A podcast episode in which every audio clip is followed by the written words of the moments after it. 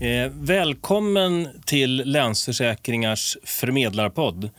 Jag heter eh, Peter Sell och är vd för Länsförsäkringar Mäklarservice. Idag har vi bjudit in ett eh, oberoende och väldigt framgångsrikt eh, fondbolag, Lannebo. Eh, och vi har några spännande gäster med oss plus att jag har en kollega ifrån Länsförsäkringar. Skulle jag kunna få be att vi presenterar oss kring bordet?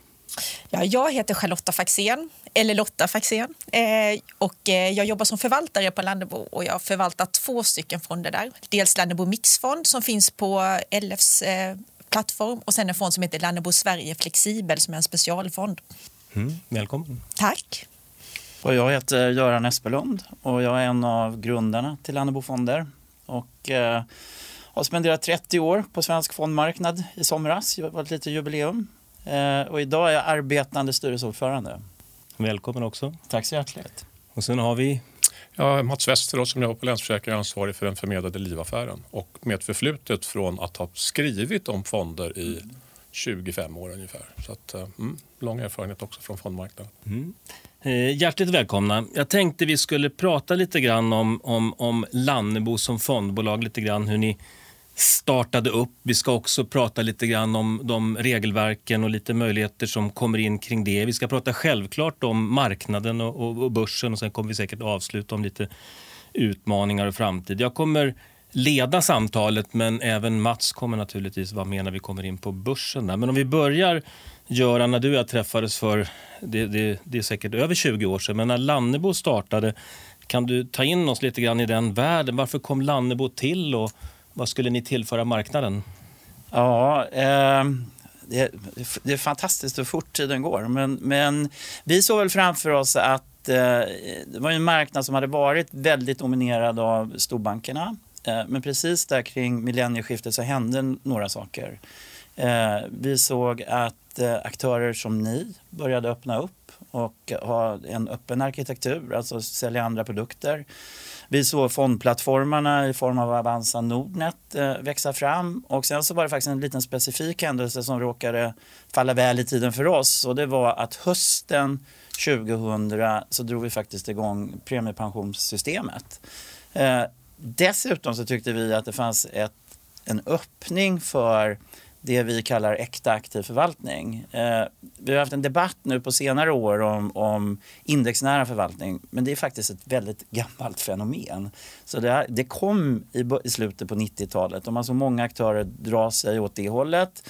Eh, och då tyckte vi det fanns en öppning för det vi kallar äkta aktiv förvaltning. Det kanske vi kan komma tillbaka till mm. vad jag menar med det. Mm, men du hade din bakgrund, eller ni som grundade, ni kom från Swedbank, Sveriges största fondbolag. Ja, som fram tills dess eh, bedrev äkta aktiv förvaltning skulle jag vilja påstå. Men därefter kom att bli lite indexnära vilket ju slutade med den här eh, ja, debatten som väl svenskan egentligen drog igång för ett par år sedan. Mm. Mm. Men hur kändes det att komma från ett det största till ett helt nystartat och när ni fick bygga från grunden? Det måste ha varit rätt olika förutsättningar. Det var ju chockerande kan man väl säga. Nej men alltså du vet, vi åkte ut, eh, vi åkte ut, det fanns ett bolag ute i Solna som hette Benytt. Där kunde man köpa begagnade kontorsmöbler och så försökte vi vara åtta stycken. Vi försökte hitta åtta stycken som såg ungefär likadana ut. De var ju inte alla kinnar utan vi fick ta någon från något. Och sen så fick man sätta sig och skruva ihop bord. Mm. Och premiepensionen, eh, myndigheten drog igång där vid den tidpunkten. Hur nära var det? Någon sa att det var inte säkert att ni skulle med. Nej, det var... Det var hur gick det till när ni kom in då? Ja, man var ju tvungen att, för att kunna vara med i premiepensionen så var man ju tvungen att ha ett, eh, sina tillstånd på plats. Och eh, på något sätt så lyckades Finansinspektionen ge oss det där tillståndet. Jag tror det var precis dagen innan sista dagen för att kunna vara med när systemet drog igång. Och det var lite viktigt för systemet i sig var fördröjt. Så den första avsättningen var egentligen fyra års avsättning om jag, om jag mm, minns rätt. Så det var en viktig eh, startpeng för oss. Mm. Var det relationerna som gjorde att ni kom med eller eh, var, var, var, var, hade ni bara tur att liksom upphandlingsprocessen kom precis för er? Jag vågar inte svara på det men, men det kändes som vi hade högre makter med oss på något sätt. Mm. Kanske bra övertalningsförmåga också eller? Ja, jag vet inte. Ja, men det är bra. Eh, om, om du tittar på de här 17 åren och, och, och säger vad är du mest stolt över? Vad tycker du på något sätt ändå att Lannebo har tillfört då den svenska fondmarknaden på något sätt? För, för det är ju ändå lätt lång tidsserie. Vad, vad har särskilt och vad har ni tillfört för nytta? Nej, men jag tycker vi har tillfört ett klart, eh, alltså en väldigt tydlig aktiv investeringsfilosofi i en oberoende miljö. Jag tror vi har lyckats skapa en miljö där förvaltare får en chans att eh, utvecklas. Men sen ska man vara väldigt, väldigt tydlig med att, att vi hade inte stått där vi är idag förutom två saker. Det ena är att våra fonder har överlag utvecklats väldigt, väldigt väl. Jag, jag tror performance som vi kallar det för är det är ett måste för en sån som oss för annars är inte de som ska förmedla oss till exempel intresserade av oss. Och det andra är och, och att eh, aktörer som ni har tagit er till oss. Att vi har få, fått en chans att finnas på plattformar och jobba med alla förmedlare ute i landet för, för att nå ut. För, Mm. för det hade vi ju aldrig klarat av på, på egen, Egen hand. Och, och Lotta, du var inte med från starten. Men Nej. vad fick dig att välja att börja på Lannebo Fonder? För du hade en annan bakgrund. Ja, jag, kom, jag har jobbat eh, på Carnegie tidigare fram till 2009 och eh, 2009 började jag på eh, Lannebo. Och det är faktiskt också egentligen Länsförsäkringars förtjänst för att jag förvaltade Länsförsäkringar Sverigefond vid, det, vid den tidpunkten. Och eh, så valde man att eh, jag och min eh, dåvarande kollega valde att eh, sluta på Carnegie och börja på Lannebo istället för vi stod verkligen för den filosofin som Lannebo står för. Och då valde Länsförsäkringar att flytta förvaltningen av Sverigefonden från eh, Carnegie till Lannebo. Och, eh, Vi ville verkligen ha dig och Ja, kollega. precis. Mm, Vi, det var det var det och det var Mm. jätteroligt. Och då fick vi även möjlighet att förvalta Mixfonden. Så det var så jag började jobba med Lannebo Mixfond 2009. När jag träffade dig Mats första gången, du var ju moderator på olika sätt eh, och, och, och drev en tidning som heter Sparöversikt och det har ju gått några år sedan dess då också. Men, men blev det ungefär som du hade trott att de här oberoende fondbolagen, nu är Lannebo ett exempel på det, men eh, att, att man ändå har tagit så pass stor del av marknaden och ändå gjort en förflyttning mot de stora. Blev det ungefär som du hade trott eller skulle det gått något an, på ett annorlunda sätt? Marknaden dominerades ju länge av storbankerna. Typ 75-80 procent av allt kapital låg där. Till och med 90. Ja, kanske till och med 90. Eh, och det såg ju ganska hopplöst ut skulle jag vilja säga för bolag utanför de stora bankerna. Men precis som Göran säger, öppningen kom ju när det, fanns, när det tillfördes distributionsmöjligheter. För det, är- det svåra för ett litet fondbolag är ju det är naturligtvis att pre- prestera avkastning, det är naturligtvis svårt. Men även om man gör det så är det inte säkert att man får tillräckligt med kapital för att kunna driva verksamheten framåt. Eh, Och jag tror att de här plattformarna, PPM är naturligtvis jätteviktigt men också fondförsäkringsbolag. För eh, de här fondtorgen som ju byggdes upp i slutet av 90-talet. Det skapade förutsättningar och nu ser ju marknaden helt annorlunda ut. Där ett antal, det finns ju ett antal mindre fondbolag som måste prestera avkastning för att överleva. Och det är klart att det tillför ett jättevärde för kunderna och för ja, Så, så resan någonstans låter som att den har varit bra. Vad skulle du vilja ha gjort om om du nu hade liksom fått skruva tillbaks klockan någon gång på de här 17 åren och gjort annorlunda som kändes som att det här, var ju, det här blev inte så lyckat. Vad, vad är det som skulle kunna gjorts om bättre? Ja, det är säkert mycket. St- Startperioden minns jag ju väldigt väl, för, för vi kom igång i augusti 2000. Och för de som följer och kommer ihåg aktiemarknaden väldigt väl så hade det här var ju förra IT-boomen. Och då hade Nasdaq börjat korrigera i mars. Och när vi drog igång 4 augusti så hade faktiskt Nasdaq gått ner 30 procent. Och vi satt ju hemma under den perioden och tyckte, oh vad skönt att vi inte var med i den här korrektionen. så förstod vi inte att det skulle komma 2001 och ända fram till 2002 innan marknaden vände. Eh, och det, du vet, det är nystartat, ingen lön, eller, och några skulle få lön och är liksom spännande innan man lyckas få det, få det där att gå runt. Eh, så det hade väl gärna fått gå lite fortare, den där startperioden. Men det här där väl. Det- lyckades inte tajma börserna helt perfekt. Nej, det kan man lugnt, det kan man lugnt säga. Jag brukar ta, jag brukar det ta, timing. jag brukar ta en gammal historia där. Det, man, man har ju sådana här små mål så vi vill gärna nå en miljard. Och vi, gjorde det, vi gjorde det nog relativt fort för ett nystartat bolag. Så jag vill minnas att det var i maj 2001. Men vi hade ju hela tiden marknaden emot oss. Så varje gång vi gick över en miljard så åkte vi under en miljard. Så jag tror vi, jag tror vi gick igenom miljarden 20 gånger eller något sånt där. Men ni fick ju tillfälle att fira många gånger då. Ja, och tillhör ju någon som tycker man ska fira framgångar. Är det jag den part i Men, eh, ja, men den stora, den, mitt alltså personliga stora eh, eh, motgången, det tyckte jag var, det var 2011 när vi faktiskt fick en anmärkning av. Finansinspektionen. Det tog eh, väldigt hårt Ja, på mig. Eh, och jag tyckte också det var på grunder som inte var helt klara. Och där är jag otroligt stolt faktiskt om man ska vända på det. Mm. För en del av det tog vi ut och processade eh, mot inspektionen kring. Och där vann vi faktiskt i Högsta förvaltningsdomstolen i våras. Det, det tar fem, sex år men Mm. Ja. vi kom ändå i mål. Ja.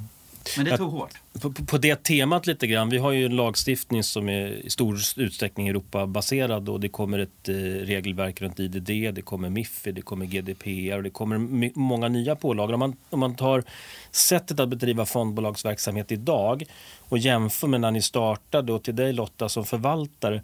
På vilket sätt tycker du att din, ditt arbete har förändrats idag jämfört med tidigare? För du ska ju, vi kommer ju in på liksom förvaltningen sen också, men liksom på sättet utifrån lagstiftaren. Så här, är, det, är det annorlunda att vara förvaltare idag? Ja, ja, men det skulle jag säga att det är. När jag började jobba med eh, 2002 började jag jobba med analys och sitta och göra affärer. Då kunde man ju ringa in en order till en mäklare och be den göra en affär. Nu är det ju väldigt mycket mer kontrollerat. Vi behöver lägga order elektroniskt, annars får våra motparter eh, inte handla.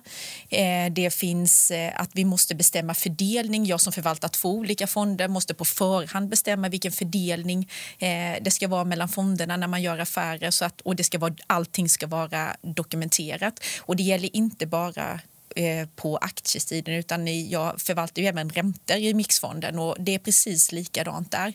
Så att allting är mycket mer strukturerat och eh, krav på dokumentation också.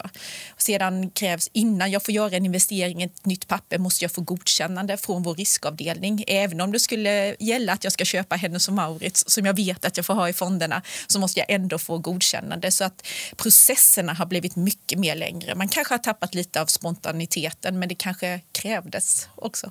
Kanske många som har missbrukat det förtroende som man haft innan. Och ytterst är det till för att skapa någon konsumentskydd, konsumentnytta också så att man känner att man ska kunna lita på de aktörerna som är, i marknaden naturligtvis. Absolut. Och detta är ingenting, man pratar mycket om Mifid 2 och nya regelverken som kommer men detta är någonting som vi har gjort under lång tid. Så att eh, vi har jobbat med de här frågorna jättelänge. Jag tror vi ligger ganska långt framme vad gäller eh, regler och så. Så att det här med Mifid 2 kommer kanske ställa till det mer för andra än för mig i Ja. förvaltningen. Det var väl det som var bra med den här 2011-händelsen. Då sa vi aldrig igen.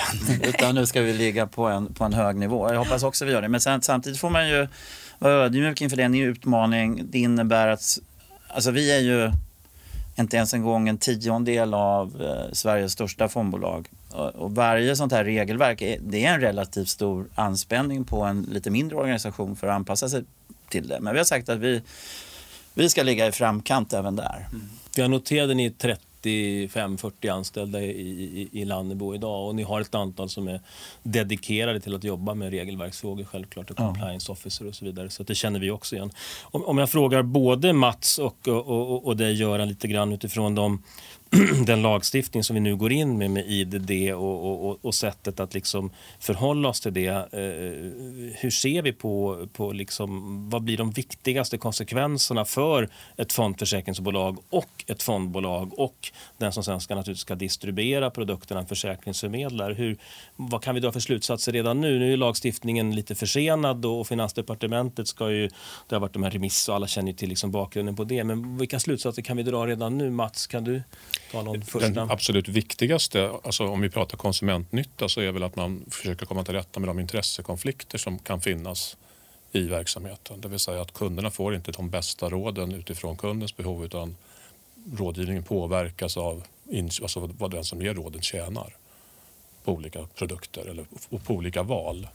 Och det tycker jag, det, att minska och få, helst få bort intressekonflikter, det är väl den stora uppsidan för konsumenten i den här nya lagstiftningen. Sen tror jag också att det kommer att leda till ökad transparens men kanske också tyvärr till ökad förvirring därför att det är inte säkert att mer information till konsumenten gör saker och ting tydligare eller mer begripliga utan det kan ju faktiskt vara så att man blir mer förvirrad ju mer information man får. Så att, eh, men, men sen tror jag också att marknaden generellt kommer att förändras på det sättet att små aktörer eh, kommer att få svårare att överleva. Det blir svårare att följa de regler som, som finns. Det blir både kostnadsmässigt och resursmässigt på alla, på alla sätt. Det går liksom inte... är man en liten, liten förmedlare, ja, då måste man ändå leva upp, även om det finns ett proportionellt proportionalitet och att det ska vara liksom i förhållande till verksamheten. De här regler, hur, hur sträng regelefterlevnad det ska vara. Så skapar det ändå så mycket om man kallar det för byråkrati eller administration så är det svårt för små aktörer att klara sig vidare. Så vi kommer att se en konsolidering ja, och vi kommer att ha svårare att se nya aktörer komma in också då. Mats, ska du ta lite ton och, och jag tänkte vi har en marknad där ute. Jag tänker ja, det, på finansiell ja, marknad. Det gör jag gärna. Innan. Men jag tänkte faktiskt fråga en annan sak först och det handlar om när ni har rekryterat nya förvaltare under årens lopp. För från början var ni väl fy, tre, fyra förvaltare eller någonting. Fyra. Fyra var ni. Ja. Och nu är ni tolv. Ja. Hur, hur väljer ni ut de som ska få komma in ja. och sköta nya fonder? Ja, men jag, säger, jag är ju lite unik, för jag har varit vd för Sveriges största fondbolag och det som en gång var Sveriges minsta. Nu är det inte det. Och, och vi måste jobba lite annorlunda än om man är ett stort fondbolag. Om man är ett stort fondbolag då tycker jag man måste vara lite efterfrågestyrd. Så man får leverera den typ av produkt som marknaden efterfrågar. Vi kan inte göra det. Utan vi får försöka hitta nischer där vi tror att vi kan attrahera förvaltare som är de absolut bästa för att skapa förutsättningar för att vi ska klara den här långsiktiga avkastningsutmaningen. Eh, och det sista exemplet är ju, då identifierar vi två jätteduktiga europeiska småbolagsförvaltare som har hållit på att förvalta europeiska småbolag i tio år med väldigt gott resultat. Så, men det räcker inte. Utan det måste också vara så att de delar vår investeringsfilosofi. Man kan ju investera på lite olika sätt. Mm. Eh, men när vi hittar det, bra rekord, de delar vår investeringsfilosofi, då är vi väldigt intresserade av att de ska komma till oss. Mm. Och i det här fallet lyckades vi och det blev vår europeiska småbolagsfond. Letar ni systematiskt efter duktiga förvaltare? Ja, det, är den, det, alltså det, är, det är den trånga sektorn. Mm. Det finns många förvaltare men, men det, det, är svårt att över lång tid lyckas. Men, men de finns där ute och vi letar ständigt efter dem. Mm. Men sen ska ju allt annat funka ja. också. Eh, börsen. Många säger att det är högt värderat. Ja, men det är det. Nyckeltalen är skyhöga och sådär. Ja. Hur känns det? Åtta år med uppgång. Ja. Nej, men jag förvaltar ju då Lannebo Mixfond som kan växla mellan aktier och räntor. Och just nu har vi en aktieandel som ja, pendlar lite mellan 45 och 50 procent. Och vi har faktiskt inte haft så låg aktieandel sedan 2011 och då hade vi eurokrisen eller PIGS-krisen. Eller, så att det, det tyder väl ändå på att eh, vi är lite försiktiga precis som du säger Mats, har vi haft en börsuppgång under lång tid. Mm. Eh, det som talar nu ska jag tala emot mig själv, så, så, så, har vi faktiskt en ganska stor konjunkturåterhämtning på många håll. Men då istället för att då investera brett så väljer vi hellre de bolag som vi, eh, som vi tror på. I och med att vi kan växla mellan aktier och räntor och inte behöver äga aktier så investerar vi bara i bolag där vi tror att aktiekursen ska gå upp över tid. Så då väljer vi bort de bolagen. Och det är liksom ett riktigt bra exempel på den aktiva förvaltning som man kan bedriva på Lannebo. Vi investerar inte i index för att få exponering mot aktier utan vi investerar bara i bolag som vi tror på. Vilka bolag gillar ni då? Just nu, så vilken bransch, vilka sektorer? Vi har... Eller bryr ni inte om bransch? Nej, branscher struntar vi helt och hållet i. Under 2015 till exempel när eh, investeringssektorn inom eh, verkstad var väldigt svag eh, och vi bank, och Riksbanken började sänka räntan till minus, då avstod vi i princip från att investera i verkstadsbolag eller banker. Så att, eh, och det var för att inte vi trodde att de aktierna skulle gå upp helt enkelt. Och då hade vi ett väldigt bra år i mixfonden när fonden gick upp 15 procent och eh, Stockholmsbörsen gick upp 11 och vi hade en aktieandel på 60 procent. Så att just det året lönade det sig verkligen att eh, investera i den fonden med en begränsad risk. så att sektorer struntar vi helt och hållet i. Eh, nu tycker vi, detta är ju en fond med ett globalt mandat. Vi väljer oftast att investera i Sverige för det är här vi känner bolagen. Men nu har vi faktiskt börjat en ovanligt stor exponering mot eh, övriga Norden och det är för att vi tycker att många bolag i Sverige har blivit högt värderade. Så att när vi inte hittar något bra så försöker vi leta oss ut lite grann. Tänkte du säga något Göran? Du är ja, gammal blandfondsförvaltare också. Ja, ja, ja. Du har väl också förvaltat mixfonden ja, en gång i tiden? Jag har förvaltat det mesta genom åren. Nej, men det jag ville säga var Eh, det är flera av oss här som har hållit på i många år. Men, men man brukar säga att det är lite unikt, men det är ju helt unikt den här gången. Jag, jag kommer inte ifrån det, för, för vi har aldrig, vi har, det är en högkonjunktur. Och normalt sett i en, i en svensk högkonjunktur så har vi realräntor på 3% brukar de vara på. Och så får man lägga inflation på det för att få nominell ränta. Och så säger vi våra 2% Det betyder att vi borde haft en ränta idag på 5% om vi skulle vara i ett normalläge. Och precis som Lotta sa så har vi, Riksbanken har satt räntan till minus en halv. Och det skapar en väldigt speciell miljö som ju faktiskt ingen av oss har Nej. varit i tidigare. Vilket ju är det, jag är så glad att jag har fått jobba på den här marknaden i alla år. Men det är det här som gör det så fascinerande. Ingen av oss har sett det. Och så ska vi försöka ha någon klok vy om vad vi ska göra framöver. Och det blir ju väldigt utmanande och spännande att gå till jobbet i en sån miljö. Men det är inte så konstigt tycker jag då att du nämnde Mats att, att det är höga värderingar. Men det, det förstår man mm. i, i, den typen av, av ränteläge. Och sen så blir den spännande frågan då. Jag har ju trott att de här räntorna var konstiga i flera år, men de har ju fortsatt vara låga. Men hur länge kommer vi ha kvar mm. det här låga ränteläget? Och det, men det är väl svårt att se vad som skulle få räntan ja, att stiga snabbt i alla fall. För exakt. Börjar den stiga så kommer det motverkande. Mm. Men den läskiga grejen är om det händer något, den här svarta svanen mm. som brukar komma som vi inte vet vad det är för något. För det, det, vanliga receptet på det har ju varit från centralbanken att snabbt ta ner räntorna för att få fart på systemet. Jag vet inte hur man tar ner dem från minus en halv. Vi har redan köpt rätt mycket, ja. Riksbanken har redan köpt rätt mycket statsobligationer. Mm. Det är sådana helikopterpengar, att vi får en liten check bara. ja, det är lite långsamt. Och men givet ränteläge så borde egentligen tillväxten vara ännu högre då, kan man säga. Ja, det har varit en väldigt långsam, eh, långsam återhämtning. Ja. Men det är faktiskt... Det är där Sverige ändå skiljer ut sig genom att ha vi, extremt vi, mycket bättre Tigerekonomi ja. i något ja. europeiskt perspektiv. Men det är faktiskt då första gången sedan 2007 som de 45 största ekonomierna alla växer samtidigt. Alltså någon brukar vara i kontraktion, men nu växer alla 45. Men ni verkar ändå ni är oroliga men ändå förhållandevis positiva kan man ju säga. Då. Nej, det var jag var lite mer positiv du än lite mer tror jag. men jag, och du har inte så mycket att säga Jag har ingen förvaltningsansvar. Därför jag sitter framför skärmen varje dag. Men det som eh, jag tror någonstans att vi skulle kanske haft ännu lite lägre aktieandel om vi inte hade som Göran säger, att eh, om inte räntan hade varit så låga. Det är fantastiskt svårt att hitta någon bra avkastning på, eh, på räntemarknaden också. Det är rätt fina resultatnivåer i svenska bolag också. Alltså, det är det. De är ja. typ de högsta vi har sett. Ni som fokuserar så mycket på att välja rätt bolag, vad, vad är liksom favoritbolagen? Eh, favoritbolagen just nu? Jag gillar ju bolag som man kan kanske hitta tidigt och vara investerad i länge. Om man gör sin analys rätt från början så behöver man inte göra så mycket mer. Så att ett av de bolagen som vi har ägt sedan börsnoteringen 2014 det är Thule som har levererat fantastiskt fina resultat. Vad gör Thule? Kan du förklara? Thule takboxar har ja, väl alla hört ja. talas om. Men det är faktiskt inte bara takboxar utan deras största produkt är cykelprodukter och de är jättestora på det i eh, Eh, framförallt i Centraleuropa. Eh, de har även expanderat så de har ett affärsområde som heter Active with Kids där de gör eh, de har började med att göra barnvagnar. Nu har de lanserat vanliga barnvagnar. De gör cykelbarnstolar och de har ett otroligt starkt varumärke som jag tror att de kan expandera inom fler områden framöver. Så det tror jag är en sånt det är högt värderat också. Men det är sånt som jag tror man kan hålla i ett tag. Och jag det är kvalitet i, för pengarna. Det är kvalitet. Jag sitter i valberedningen också så mm. har möjlighet att lämna förslag till styrelsen också. Ja, okay. Några fler? Eh, jag tycker att många byggbolag har drabbats ganska hårt av eh, av den här oron som finns bland bostadsutvecklare. Så att ett bolag som jag gärna köper nu det är Skanska. Eh, som, de har aldrig sänkt sin ordinarie utdelning. Eh, de har en fantastiskt fin verksamhet i sin kommersiella fastighetsutveckling som ger jättebra kassaflöden. Eh, och eh, den har också kommit ner till ganska attraktiva nivåer så den köper jag också. Men det är ingen kö till att köpa Skanska just nu? Eller? Nej, det är det verkligen inte.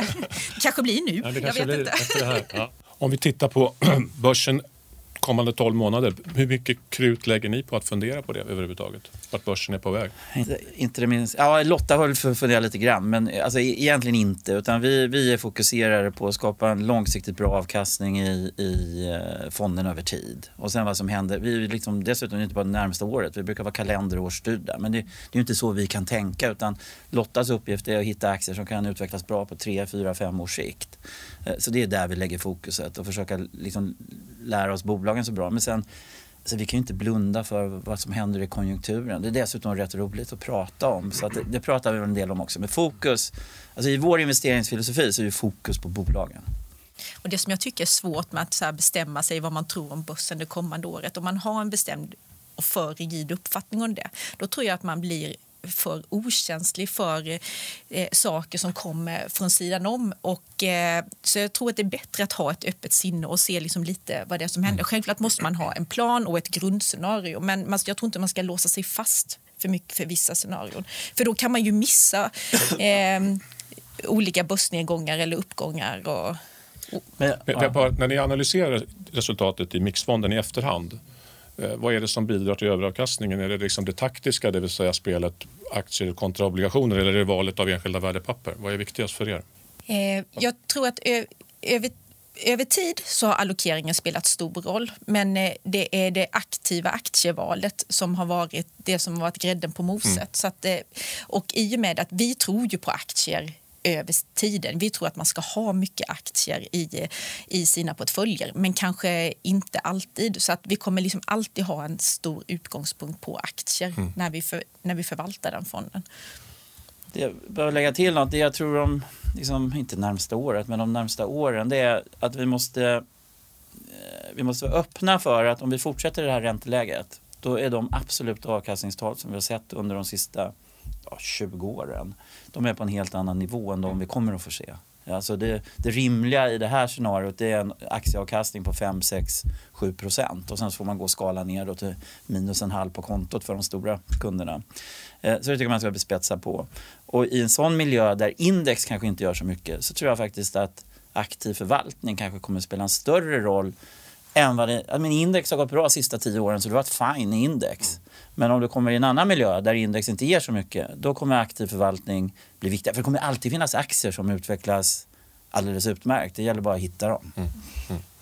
Och ha mycket av dem också. Och ha mycket av, av dem och inte av dem som går ner. Precis. Nej. Så enkelt är det. Eh, spännande. Det känns som att vi på det sättet sitter i samma båt. Vi, vi, vi har kunderna framför ögonen. Vi verkar vara väldigt eh, allihopa intresserade av att göra ett, ett, ett bra jobb och säkerställa att kunderna får en bra framtida pension. Om man skulle tänka sig liksom titta 10-15 år framåt ändå. Var är Lannebo om 10-15 år? Är ni fortfarande direktägda av ett antal personer eller vad, vad, vad, finns det någonstans? I vilken kontext ser ni att det växer fram? Det hoppas jag.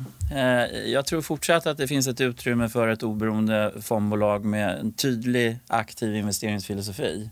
Och, och ja, du nämnde tidigare, att marknaden ser lite annorlunda ut och det gör den och det finns vi och några till. Men vår marknadsandel på svensk fondmarknad är 1,9 procent.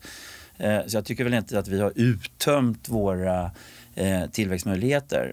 Tio år ut, alltså vi har inte varit jätte vi har inte startat jättemycket nya fonder genom åren utan vi är rätt nogräknade med när vi kommer med något. Eh, men alltså tio år ut hoppas jag definitivt att vi finns i några nischer till. Men vi kommer inte om tio år att vara ett brett fondbolag som har från, fonder från A till Ö. För jag, där tror jag inte vi kan konkurrera. Mm. Eh, så hoppas jag att jag då fortsatt får vara en liten ägare i alla fall. Men att det har kommit nya förvaltare och ledningar och så vidare som driver bolaget vidare. Det är lite den modell vi har. Mm. Eh, och för er som lyssnar då så, så eh, vi har ju en stor andel Länsförsäkringar av tjänstepensionsaffären i, i Sverige och det är vårt fokus. Och vi har ju valt en öppen eh, arkitektur. Så vill ni stärka er pension på olika sätt så är mitt förslag att ni vänder er till någon av de ledande försäkringsförmedlarna i Sverige. Och några av de fonderna som Lannebo av en händelse råkar ha i vårt fondsortiment är ju bland annat då Mixfonden som vi nämnde, Sverigefonden, småbolag, det finns Vision och även den här Europa eh, småbolagsfonden som kom till. Så det finns fem olika där redan idag att, att, att välja på. Eh, så att, eh, ett stort tack för att ni tog er tid att eh, komma hit. Är det någon som vill säga något avslutande? Göran? Ja, nu när jag är hos Länsförsäkringar så vill jag faktiskt tacka er också. För eh, historien är faktiskt den att det första försäkringsbolaget som trodde på oss när vi drog igång, det var Länsförsäkringar. Och det betydde också oerhört mycket för eh, vår framväxt. och, och, och jag kommer så väl ihåg när jag, kom, jag hade jobbat på Sparbanken och så kom jag till Länsförsäkringar. Jag tyckte jag kände igen mig med centrala bolag och sen starka regionala bolag. Och, och ja, jag vill bara rikta det tacket till er för, för det har varit väldigt, väldigt viktigt för, för vår tillväxt och att, mm. att vi finns. Jag tror det är ömsesidigt. Vi, vi gillar ju när, när, när vi har en, en bred, eh, ett, ett brett utbud helt enkelt och, och skickliga förvaltare. Så att, stort tack och eh, På återhörande. Tack så mycket. Tack.